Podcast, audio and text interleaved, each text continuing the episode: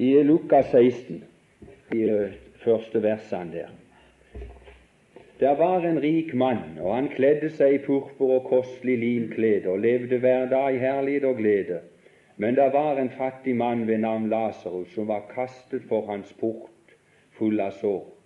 Og hans attrå var å få mette seg med det som falt fra den rikes spor. men enda hundene kom og slikket hans sår. Vi vil be deg fremdeles, Fader i Kristus Jesus, om at du vil velsigne ordet for oss, Herre, slik at vi kunne få se noe i det, Herre. Jeg ber om at det var mulig at du kunne bryte brødet for oss, og det kunne bli mat for oss. Ta hånd om denne stund, Herre, la det bli til ære for ditt dyrebare navn. Og du vet, når vi er kommet sammen her, Herre, så er det fordi vi ønsker én ting, det er å få være sammen med deg, Jesus. Vi ønsker å sitte til bord sammen med deg, og vi ønsker også å få nyte noe av de makfulle og feie retter som kan gi oss kraft her under jordlivsvandring. Jeg takker deg for vi har ditt ord iblant oss.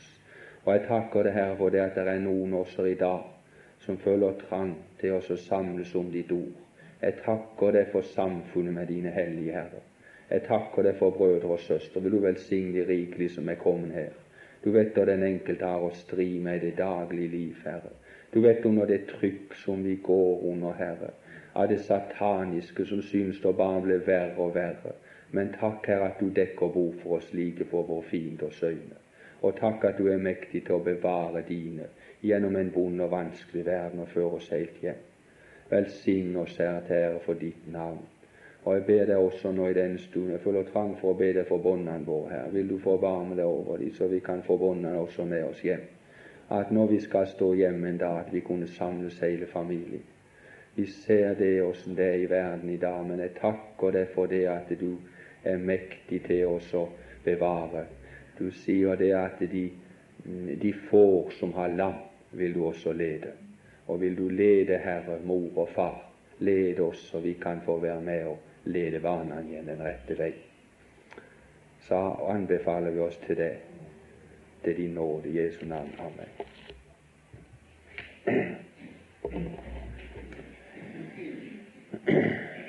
Her står det um, I dette som vi leste, så var det tale da om at det var en rik mann, og det var en fattig mann. Og den rike mannen han hadde ingen navn, men den fattige mann, Lasarus, han hadde et navn. Og det er underlig å tenke på det, at det her er det altså en som Herren kjenner til, en av Herrens små, og så skal han få oppleve de kår her i denne verden, at han, at han skal være så fattig og så elendig at han er full av sår i sitt legeme. Og så er han så fattig at han ligger foran en, rikes, en som er rikere enn den rikes uh, port. Og så har han bare et eneste attrå, det å få mette seg med smulene som faller fra den rikes bord. Jeg skal si det, det, det, det er toppen på fattigdom. Men uh, vi, har, vi, har, også det samme i dag. Når vi ser utover i, i verden i dag, så er det nok mange lasarusser som ligger og, og, og deres attrå der får mette seg med det som faller fra den rikes skog. Men uh, det var likevel, som vi stansa litt for i går, en, en vesensforskjell på den rike mannen og Lasarus. For den rike mannen, han, uh, han var fattig, og den fattige mannen Lasarus, han var rik. Ja. Og jeg kom bare til å stanse litt for dette igjen. Og navnet Lasarus betyr Det er så fint å se det at um, i Skriften så har hvert eneste navn det har en betydning. Det står for noe spesielt. Det er ikke bare et navn, men det står for noe. Og Lasarus, det navnet Lasarus, det betyr Gud er hjelp. Gud har hjulpet. Det er fint. Og to ganger i Det nye testamentet så står navnet Lasarus. Her er det tale om, om, om, om denne Lasarus som lå foran porten, og så har du han som ble vekka opp ifra de døde. Men dette ordet Lasarus fra hebraisk så er det tatt ut av ordet Elieser. Og det vil du finne elleve ganger i Det gamle testamentet så står ordet Elieser omtalt. Gud er hjelp. Gud har hjulpet. Og vi kan si det sånn at Lasarus Gud er hjelp, Gud har hjulpet. Det sto over hans liv. Og jeg tror også når han er hjemme i herligheten og står hjemme i herligheten, så vil det stå over han Gud er hjelp, Gud har hjulpet. Og det samme vil i grunnen stå ikke bare over Lasarus, men over hele den frelste skare som en gang skal stå der hjemme. Så vil det stå over oss alle sammen Gud er hjelp, Gud har hjulpet. Og det er så fint når det at det står også i Skriften, så står det det at han er den hjelpeløses hjelper, og den som ingen hjelper har. Og i Salme 72 står det 'den fattige som roper', og den elendige som ingen hjelper har. Deres Han vil høre den fattige som roper, ja, og den elendige som ingen hjelper har. Og Guds skikk, det er nettopp dette at når et menneske er kommet ned på den plassen at han er hjelpeløs, det er først da Herren kan få hjelpe ham. Så eh, når et menneske er kommet derhen at du får se at det er hjelpeløs i åndelig betydning, da er det mulighet for hjelp. Og Jeg tror noe av det sværeste arbeidet Gud har, det er nettopp dette å få vekke folk til sann erkjennelse over sin stilling. Og det er veldig ting når det at en begynner å se at han er hjelpeløs. Det er veldig ting som har skjedd når det at det er en sjel som ser at og er det noe jeg trenger, så er det frelse for min sjel. Og um, da er, da er det Herren kan få gripe inn og gjøre noe. Han må gjøre fattig og gjøre rik. Og, um, eh, men Gud er mektig til å gjøre det, og jeg syns det er så fint når vi leser de forskjellige steder i Skriften, bl.a. dette med Paulus. Når uh, denne mektige mannen Paulus Jeg skal si det, det at før han fikk møte Herren, så var han ikke mye hjelpeløs. Han klarte seg sjøl, og uh, det var ingen som trengte oss å hjelpe han for han hadde sitt på det tørre. Men når han fikk et møte med Herren ut på Damaskusveien, så skjedde det noe at den mektige Paulus han ble hjelpeløs. Når han lå der på veien, og når ikke det var noe kraft lenger i han, for han hørte den stemmen som sa 'Saul, Saul, hvorfor forfølger du meg?' Så skal jeg si det, da forsvant all kraft ifra han, og da fikk han se sitt liv, at det var forfeila, og da sa han 'Hva skal jeg gjøre her?' Hva skal jeg gjøre her? Og det er når, når Herren har fått et menneske hen der, hva skal jeg gjøre, Herre? Det er da Han kan få komme til og hjelpe med sin hjelp fra himmelen. Og um, det samme må skje med den enkelte sjel. Og um, jeg for min del jeg hadde Jeg har nevnt det før her ute, men jeg har også fått oppleve det og også blitt, blitt hjulpen i, uh, i rent menneskelig betydning. Jeg holdt en gang på å drukne.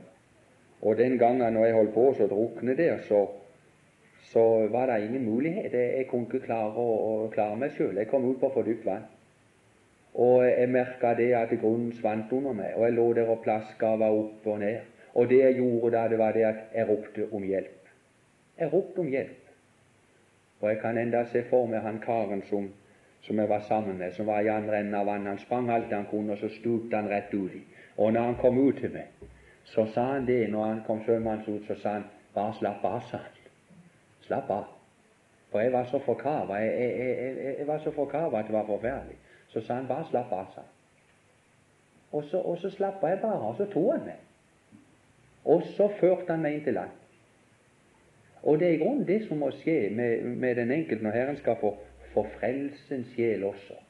Så, så står det det han skal høre den hjelpeløse som roper og den elendige som ingen hjelper. Han hører de. Det er de han hører. Og så sier han til dem slapp av. Ja, slapp av.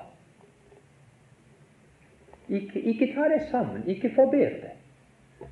Men uh, det er de som prøver også å kave og skal streve sjøl, og da kan det bli, bli, så lang tid før Herren virkelig kan få, få hjelpe dem.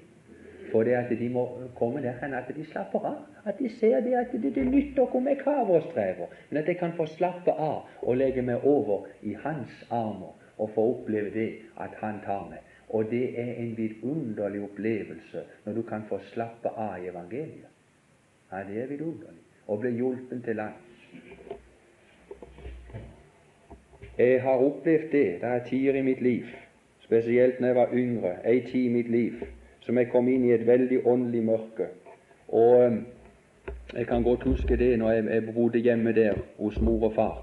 Og det var, det var, det var det, Jeg kom inn i sånn et veldig mørke. Jeg trodde ikke det at det kunne være rett med meg sånn som jeg var. Jeg var blitt så opptatt med øh, øh, livet mitt. Og, og, så var jeg så opptatt med å se på meg sjøl og livet mitt at jeg, jeg, begynte å kave og streve i egen kraft. Og jeg kunne liksom ikke få dette her til. Og jeg glemmer aldri når det at jeg var kommet så langt inn i det mørke at jeg, jeg sa det til Gud en gang at nå får du, jeg, jeg må like godt gi opp, for jeg, jeg, kan ikke nytte for meg å være en hykler. Du ser det at jeg får det ikke til. Og jeg glemmer aldri det at eh, jeg var kommet så langt at jeg, ja, jeg hadde, jeg hadde i grunnen bøyd knærne, og så, så ba jeg tenkte nå ber jeg min siste bønn. Og da, da takka jeg Gud for Hans nåde imot meg, og jeg sa nettopp disse ordene at jeg, jeg kan ikke klare lenger, og, og, jeg kan ikke makte å leve sånn som jeg skal leve. Jeg får det ikke til. Jeg gir opp. Jeg vil ikke være en hykler, jeg vil ikke kaste skam over ditt navn. Og da glemmer jeg aldri Det var akkurat som det at det var en, en stemme som, som, som, talte til meg og sa Hvem var det jeg døde for på Golgata? Var det for de som kunne klare seg sjøl? Var det for de jeg kom? Og så var det akkurat som jeg fikk se hele frelsesverket på nytt igjen. Og det var en vidunderlig opplevelse når jeg kunne ligge der på stolen og åndelig talt slappe av. Jeg fikk legge meg over i, i Jesu armer på nytt igjen og fikk kjenne løftenes bærekraft, åssen det bar meg, åssen det førte meg, holdt meg oppe. Å, du, han er de hjelpeløses hjelper. Det skal jeg si han er. Men det som er det vidunderlige her, det er det at eh, det er ikke bare Gud har hjulpet, men Gud hjelper. Gud er hjelp. Det er mange her som kan si at Gud har hjulpet. Han har hjulpet meg. Når det gjelder den frelse som ble ferdig på Golgata, frelsesverket, så kan jeg se det at Gud han har frelst meg. Men så er det åssen skal det gå fremover? Det er så godt å vite det at Gud er hjelp. Gud er hjelp. Og Paulus, som vi stansa litt for i stad der, han sier det når han står der foran kong Agrippa og står og vitner for kong Agrippa, så sier han så har jeg fått hjelp fra Gud og står til denne dag og vitner, både for liten og for stor, i det jeg ikke sier noe annet enn hva profetene og Moses har sagt skulle skje. Så har jeg fått hjelp fra Gud til denne dag å stå. Hva var årsaken til at Paulus kunne stå imot det veldige trykket som han var utsatt for av Satan, og det trykket som han var utsatt for, kan, kan du si, på den tid som han levde i. Det måtte være veldig også iblant brødre å skulle stå fram ved den forkynnelsen, ved det budskapet han hadde fått. For det budskapet han fikk, det fikk han ved åpenbaring ifra Gud. Han fikk det ikke ved overlevering. Men det var et direkte budskap han fikk fra Gud. Det var et tillegg i det Herren hadde sagt. Å skulle stå fram med det budskapet om menighet, det var, var veldig ting, det. Og jeg skal si det at hvis ikke han hadde fått hjelp fra Herren, så hadde han aldri makta å stå. Men altså, Gud er hjelp. Og Gud hjalp han, så han, kunne, han hadde fått hjelp av Gud, så han kunne stå inntil denne dag som et fyrlys og vise den rette lei. Og det samme kan der sies om uh, om, eh, om, den enkelte. Og Det samme kan vel sies om meg også, at jeg har fått hjelp av Gud og står inntil denne dag. Og det er vidunderlig å tenke på det at Gud han, eh, han, eh, han har lovt å, hjelpe en hele veien, helt fram, så han skal få bli bevart hos Han. Og der er, der er noen ting her, og det er det at Jeg syns det er så godt det når det gjelder å komme til himmelen, at vi skal komme hjem til himmelen. Så skal vi få oppleve det at vi skal få lov til å komme hjem til himmelen på den måten at vi skal bli båren hjem til himmelen. Det står om det om uh, det står om, uh, om han som hadde mista det ene fåret. Så gikk han etter det ene fåret inntil han fant det. Og når han hadde funnet det ene fåret, så la han det på sine skuldre, og så bar han det helt hjem.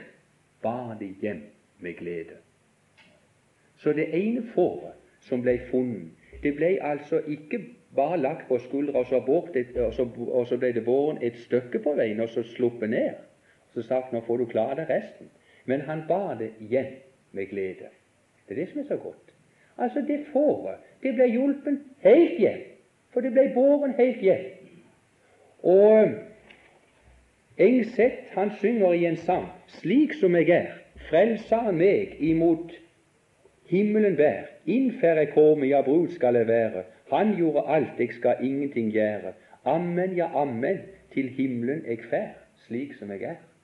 Det er fint. Og Isaiah 46, de kjente versene der i Isaiah 46, vi må stanse og ta de med oss. 46, 3. De kjente ordene der. Der står det nettopp dette at Han vil bære oss. Like til Hør på meg, I som er um, i av Jakobs hus, alle I som er blitt igjen av Israels hus, I som er lagt på meg fra mors liv, som jeg har båret fra mors skjøt. Like til eders alderdom er jeg den samme, og til I får grå hår vil jeg bære eder. Jeg har gjort det, og jeg vil fremdeles løfte eder, jeg vil bære og redde eder. Gud er hjelp helt hjem. Ja. Og um, eh, det hender det oppe på Loland at en kommer i snakk med noen av karene der. Og blant annet så er det mange som har den innstillinga. Det er ikke så lenge siden jeg snakket med meg. Han hadde den innstillinga jo, jeg vil nok gjerne bli frelst, men det er bare det at om jeg kommer over til Gud, så er det dette at uh, jeg, jeg, klarer jeg, jeg, jeg, klarer aldri det der livet, sa han. Og så skulle leve som en kristen. Jeg får aldri det til. Og sånn er det mange som har den innstillinga. Men du og du når det er at Herren får dra sløret fra vårt øyne, så vi får se det at det er ikke bare at Han frelste oss en gang på Vollgata, og at Han tilga oss all vår synd og all vår brøde, men Han har lovt å ta oss opp på sine skuldre, og Han har lovt å bære oss helt hjem. Både dig og børden bærer Han til du evig bergat står. Og da er det ikke bare det at Han bærer deg, men Han bærer også alle byrdene dine. Og eh, jeg håper det at eh, vi kunne lære noe av den der lille fortellinga om den der fantekona som skulle kjøre. Du har hørt om den, men vi må ta henne med oss her. Hun, sto på veien, og så kom det kjørende en mann med hest og kjerre. Og så så han fantekona, hun sto der med en sekk på ryggen, og så sier han nå, sier han, vil du ikke kjøre, si det på? Jo, sier kjerringa, jeg vil gjerne si det på. Ja vel, hun satser på, og det gikk så greit. Og når de hadde kjørt et stykke, så snur, eh, snur han seg, og så skal han se, så sitter hun forsynet med sekken på ryggen. Så sier han til henne, i all verden, hvorfor sitter du med sekken på ryggen?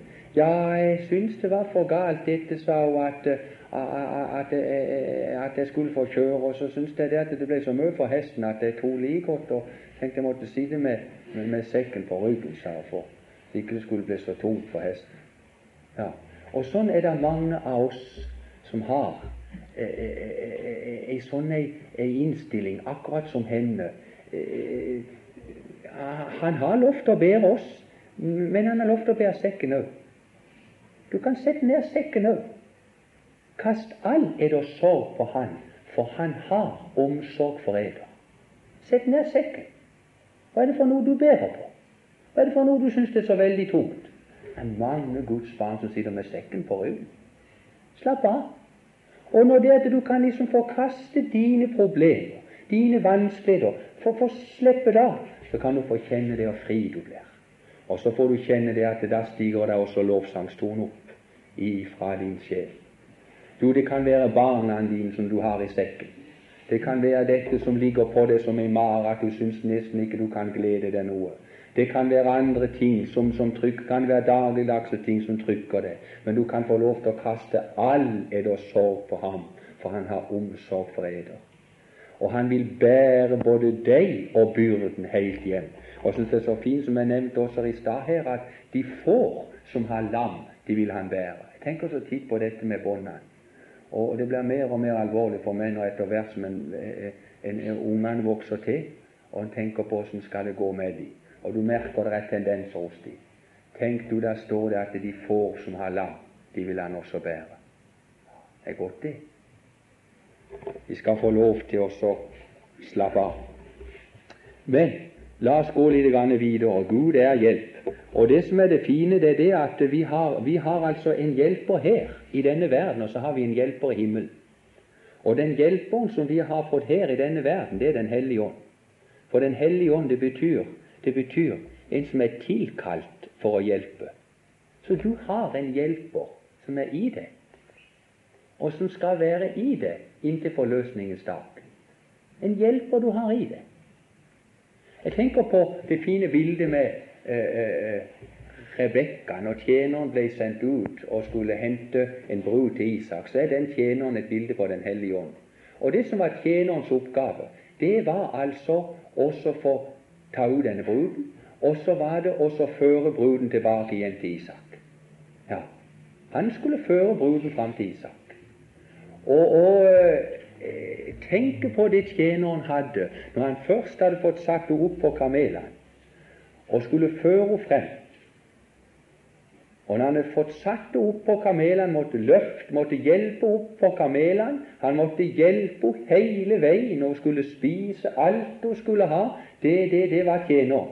Og tjener, det når han gikk hjemover, så er jeg sikker på han var opptatt med en ting, og det var å forkynne om Isak. og og, og, og stor og mektig Isak var. Og slik er det med Den hellige ånd, som vi har fått, som skal være i oss. I Romerbrevet, det kjente versene i Romerbrevet 8,26, der står det noe om Den hellige ånd. Der står det det om at Den hellige ånd ber for oss. I like måte kommer også Ånden vår skrøpelig til hjelp, for vi vet ikke hva vi skal be om slik vi trenger det. Men Ånden selv går i forbønn for oss med usigelig sukk. Tenk til og med når vi ber, så trenger vi en hjelper. Så trenger vi hjelp. For jeg vet ikke hva jeg skal be om, og det vet ikke du heller. Og Derfor er det våre bønner de er altså så egoistiske. Og det er så mange ting som, som, som mangler i bønnene våre. Men så har vi en som er i oss, som går i forbønn for oss med usigelig sukk. Og han vet hva vi trenger til. Og så sier han du far, nå ser du det han bærer, han trenger det. Og nå trenger han det. Og så får jeg det som jeg trenger til, både av surt og av søtt i livet. For det som er surt, det skal også være med å danne meg.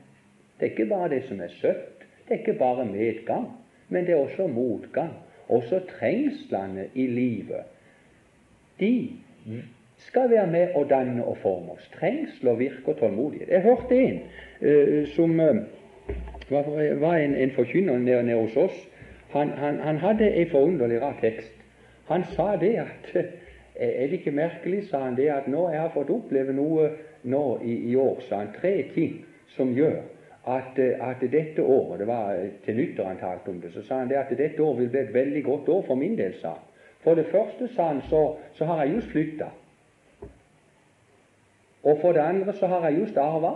Og for det tredje så er jeg blitt med i samvirkelag, sa han. Tenkte jeg, verdens rike.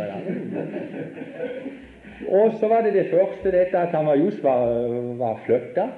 Det var det at han, han hadde flytta inn i ei gate som heter Sorgenfrigata. Vet I Oslo er det en plass som heter Sorgenfri. Og han hadde flytta inn der i Sorgenfrigata. Det vil si det at han hadde flytta inn der i, i, i Peters brev. Kast all eder sorg på han, for han har omsorg for eder. Det er veldig godt å bo der i Sorgenfri. Der kan du bo. Du kan være der alltid. Kast all eder sorg på han, for han har omsorg for eder. Og så var det der at han hadde arva 40 000. Og, og, og det, det, var ikke kroner, men det var 40 000 løfter han hadde arva. Veldig, sier du. 40 000 løfter fra løftenes trofaste Gud. Og hvert eneste løfte så står Gud selv bak. Det er veldig fint. Og de løftene de er gitt oss under jordlivsvandringen, så vi skal kunne få vandre så behagelig som mulig. Og de er gitt oss for at vi skal kunne få leve Han til ære mest mulig i denne verden. Løftene 40 000 løfter. Og så var det dette at han var blitt med i samvirkelaget. Det var nettopp dette her i Romerbrev 8, når det står det at alle ting skal tjene dem til gode som elsker, elsker Gud. Så står det i en annen oversettelse alle ting skal samvirke til det gode. Det skal samvirke til det gode. Og Det er liksom så lettere å få tak i når det skal samvirke til det gode. Og der er noe forunderlig det at det som møter meg i min vei, det skal være med å samvirke til det gode. Det er det. Alle ting. Det er ikke så lett alltid å kunne tro det, men, men, men du er med i samvirkelaget, du også. Og Herren han fører oss ikke på en slik måte at vi skal, at vi skal gå fri alle prøvelser og alle vanskeligheter. Men det som er det velsignede, det at når du Løftene, 40 000 løfter. Og så var det dette at han var blitt med i samvirkelaget. Det var nettopp dette her i Romerbrev 8, når det står det at alle ting skal tjene dem til gode som elsker, elsker Gud. Så står det i en annen oversettelse alle ting skal samvirke til det gode. Det skal samvirke til det gode. Og Det er liksom så lettere å få tak i når det skal samvirke til det gode. Og der er noe forunderlig det at det som møter meg i min vei, det skal være med å samvirke til det gode. Det er det. Alle ting. Det er ikke så lett alltid å kunne tro det, men, men, men du er med i samvirkelaget, du også. Og Herren han fører oss ikke på en slik måte at vi skal, at vi skal gå fri alle prøvelser og alle vanskeligheter. Men det som er det velsignede, det er at når du går gjennom vann, er jeg med deg. Og når du går gjennom ild, så skal ikke luen svi deg. Når du går gjennom Alt her er bare en gjennomgang. Og når vi går gjennom det, så er Han med oss. Også det underlige er at når vi går gjennom alt dette, så er disse ting med og skal samvirke og forme og danne oss for det kan ikke bli noe åndelig karakter hvis ikke det er motstand. Det kan ikke bli noe karakter. Og det kan ikke bli dannet noe i oss hvis ikke vi har noe som er imot. Derfor er alt det vi møter oss, det kasserer ikke Gud, men det tar Han opp, og det bruker Han. I naturen har Gud lagt det slik at det er ingenting som forgår. Det går bare over en annen værform. Om du brenner opp papir, så går det bare over en annen værform. Om du kaster noe ut, så går det over i en annen værform. Det går over til jord. Og Sånn er det også på det åndelige området. Ting som møter oss i vår vei som vi syns det, å, det er forferdelig. Det bruker han til å danne oss og forme oss. Skjønt det kan være vanskelig nok å forstå mange en gang. Og jeg er sikker på denne Lasarus der han lå foran hans port full av sår, så var det veldig vanskelig å skjønne den lagnaden han skulle ha i livet at han skulle ha det på den måten. Og det er nok mange også, kan hende det sitter noen her i forsamlingen i dag som syns det som har møtt deg i livet, og som har rammet deg i livet, er så vanskelig å forstå. Det kan hende at det er noen av dine kjære som har gått ifra deg, du har mista. Det kan hende det er ting som er kommet inn i livet. Og du, en dag så skal det også Det skrives allerede nå, men en dag skal det skrives også over ditt liv. Gud er hjelp. Og så skal det skrives dette at, du skal du få oppleve det at midt igjennom det som møter deg i livet, så er det en som skal hjelpe deg gjennom, og som skal få noe ut av dette, slik at hans navn skal bli forherliget også gjennom det. Jeg, jeg, glemmer aldri, jeg glemmer aldri for min del det når jeg fikk oppleve her for noen år siden Vi skulle inn inn og besøke ei, ei, ei kone bort med Mandal. Skulle en ha noen møter der, og så skulle vi inn og besøke denne kona. Så hadde jeg hørt litt om henne på forhånd. Og da var hun nærmere 80 år. Og øh, når jeg kom inn der til henne og, og hadde stelt kaffe til oss, så sa jeg du, kan ikke du fortelle litt om, om ditt liv? Så sa hun det er så lite å fortelle om, sa hun, men jeg, jeg kan godt nevne noe, sa hun. Og så fortalte hun det at hun hadde vært en kristen fra hun var lita småjente. Og så hadde hun fått oppleve det at uh, hun hadde tatt, uh, tatt, tjeneste på et barnehjem i nord. Når hun ble ferdig med den tjenesten, så tok hun arbeid hos en som heter Skuland, en emissær, som virka i sin tid. Noen av dere eldre kjenner sikkert navnet.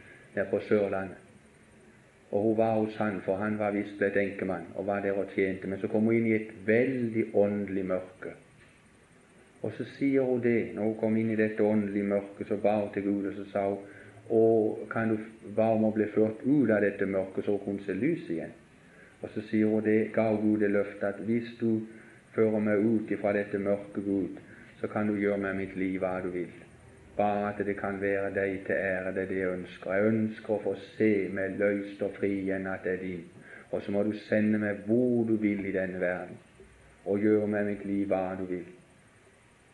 Så var det bare så komme ut av mørket, hun fikk se lys, og det ble vidunderlig. Hun fikk prise Gud for frelsen. Men etter at du hadde fått sett dette, så var det bare noen dager etterpå, så fant de jo igjen, Da hadde kjørt ut for vei på sykkel. Og så fant de jo igjen i en steinrøys nær forbi. Da var hun helt i, i, i stykker slått. Og hun kom på sykehuset, og de fikk lappa henne sammen igjen. Men uh, hun kunne aldri uh, Hun ville alltid være menade og ville være krank og ufør resten av sitt liv. Og dette skjedde når jeg var nærmere 40 år, sa hun. Siden den dagen så har jeg verka i legemet, jeg har hatt vondt, sa hun. Men uh, og det er venner som har sagt til meg du må bli, gå og bli, og bli bedt for. De må salve og be for deg, så du kan bli god igjen. Men jeg har sagt det at nei, det, det, det er sånn Herren han har ført meg på denne veien. Men uh, en dag, sa hun, så lot jeg meg overtale, og så gikk jeg ned til forstander Birkenes på kontoret hans, og tenkte jeg at nå skal jeg få han til å be for meg, for han hadde nådegave. Og, uh, men når jeg kom ned der og skulle se på kontoret der, så sto det på døra 'bortreist'. Stod det. Og da var det akkurat som det ble sagt til meg Hå, du, du må bare reise hjem igjen. Jeg har en annen vei for det. Og så har jeg siden sa, og så har jeg fått trodd det, at det var slik Herren ville ha det for min del. At jeg skulle ha dette dårlige legemet. At jeg skulle leve på denne måten. For ellers hadde Herren grepet inn og gjort noe annet. Men det må jeg si at Gud har vært veldig god imot meg. Og så begynte hun å prise og takke Gud.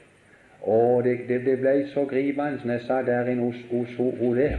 For jeg merka det at det, det, var akkurat som det at Guds ånd var inne i stua og sanksjonerte det. Og du kunne kjenne det at Jeg følte det at nå er du på hellig jord, nå er du hos ei av de som Herren har fått stelle med. Og det kom så for meg igjen at du vet, det er forunderlig med blomstene, du. Det er ikke alle blomstene som skal vokse opp i en velpleie hage, men det er noen som vokser i noen fjellskorter. Det er nesten ikke jord. Men så står de der, og så dufter de, og så forkynner de Hans pris. Og så er det noen blomster som vokser opp imellom tornekratt, torner og tisler. Du kan nesten ikke se dem, men når du kommer bort, så får du se. Det er en vidunderlig blomst også der.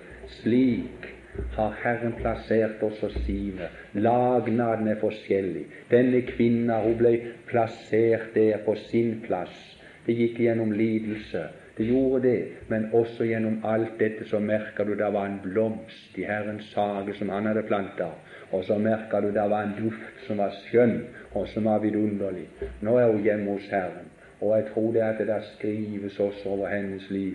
Gud har hjulpet, og Gud er hjelp. Og hun skal være med i kor og lovprise Hans navn. Og jeg tror gjennom alt det hun fikk oppleve, så det var det med å løse henne fra jordlivets bånd og dreiv henne enda nærmere inn til Herren. Du er forunderlig. Hvor underlig er du i alt hva du gjør? Hvem kan dine veier forstå? Men dette er du sikkert den vei du meg før. For meg er den beste å gå.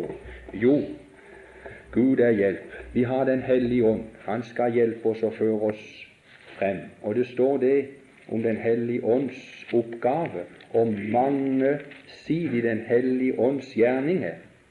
Det er ikke bare det at han skal komme vår skrøpelighet til hjelp og gå i forbønn for oss, men han skal minne oss om alle ting og lære oss alle ting som Herren har sagt. Det er fint. Tenk at han skal minne oss og lære oss. Har ikke du opplevd det mer enn en gang hvordan Gud har kommet deg til hjelp, at han har minnet deg om det Gud har sagt? Du har fått en minnelse. For Herren er mektig til å ta vare, sier Paulus. Gud er mektig til å ta vare på det som er meg overgitt. Det var noe som var han overgitt. Og grunnen for at han kunne ta vare på det, det var Gud var mektig til å ta vare på det som var han, var han overgitt. Ja.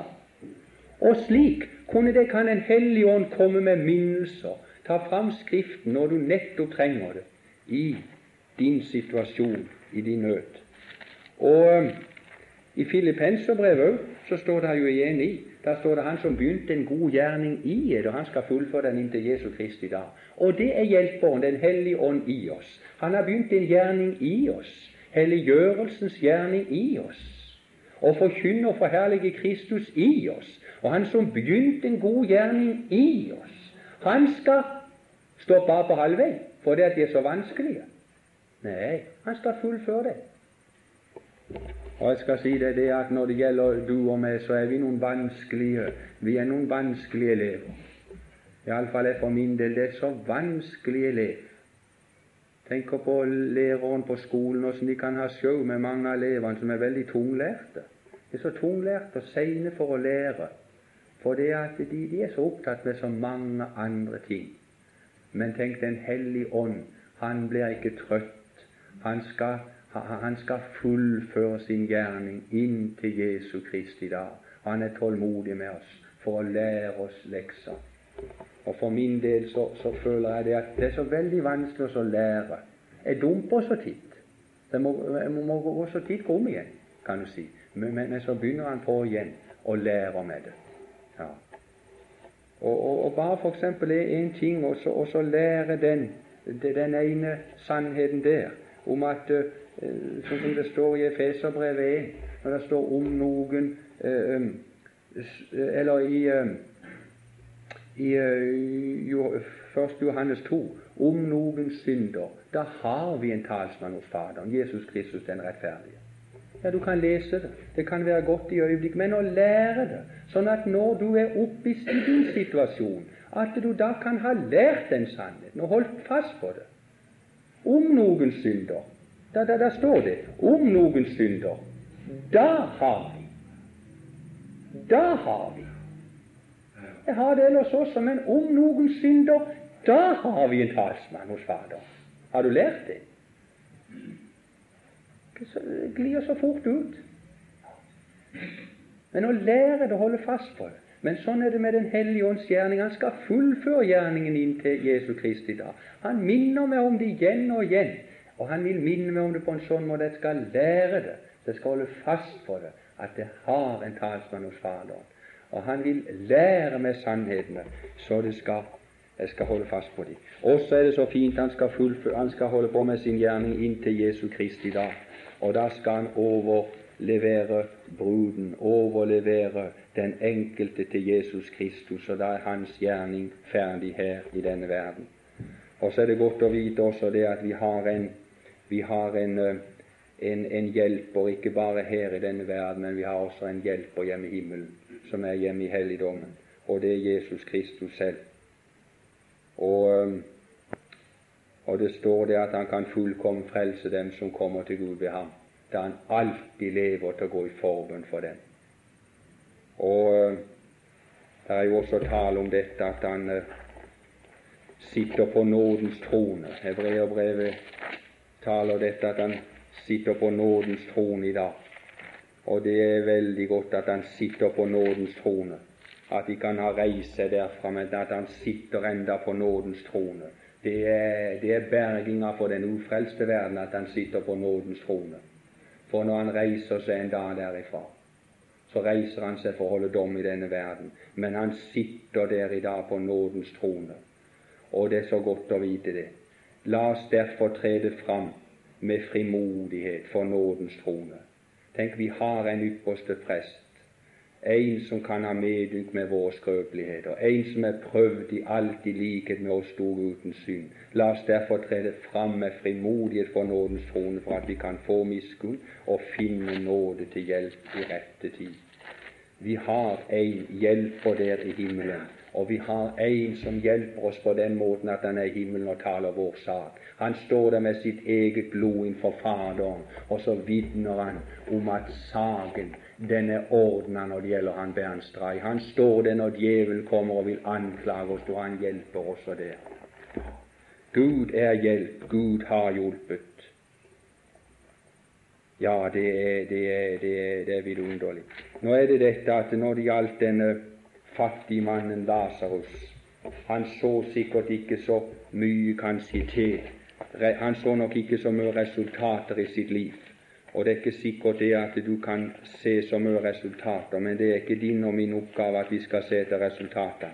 Men vår oppgave det er i grunnen bare dette å være opptatt med Jesus Kristus og være en av Hans små. La Han få lov til å behandle oss, og la Han få lov til å elske oss. Så vil det bli noe ut av et vitnesbyrd ut av for de andre, slik at andre kan muligens få et glimt av Hans herlighet gjennom oss. Gud er hjelp. Gud har hjulpet. Du får ta det med deg ifra denne, dette møtet her.